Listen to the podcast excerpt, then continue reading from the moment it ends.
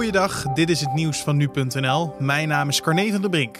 Vorige week zijn in Nederland bijna 600 mensen meer overleden dan verwacht in die periode. Dat meldt het Centraal Bureau voor de Statistiek vandaag op basis van de voorlopige sterftecijfers. Al vijf weken op rij neemt de oversterfte toe.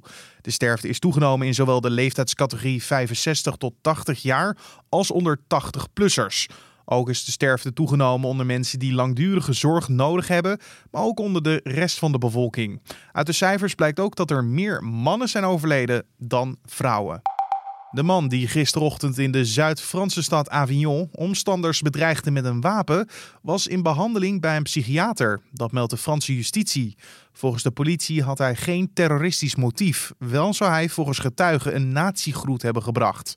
Eerder meldden Franse media dat hij Alou Akbar, God is de grootste, zou hebben geroepen. Maar de officier van justitie benadrukt dat dit niet klopt.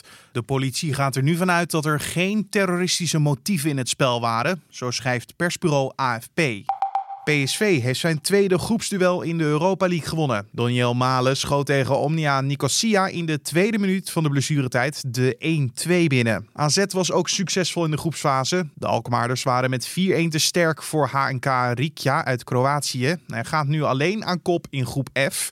Feyenoord was minder succesvol in het Europese clubtoernooi. De Rotterdammers liepen tegen een ruime nederlaag op. Mede door drie discutabele penalties verloren ze met 1-4 van het Oostenrijkse Wolfsbergen AZ.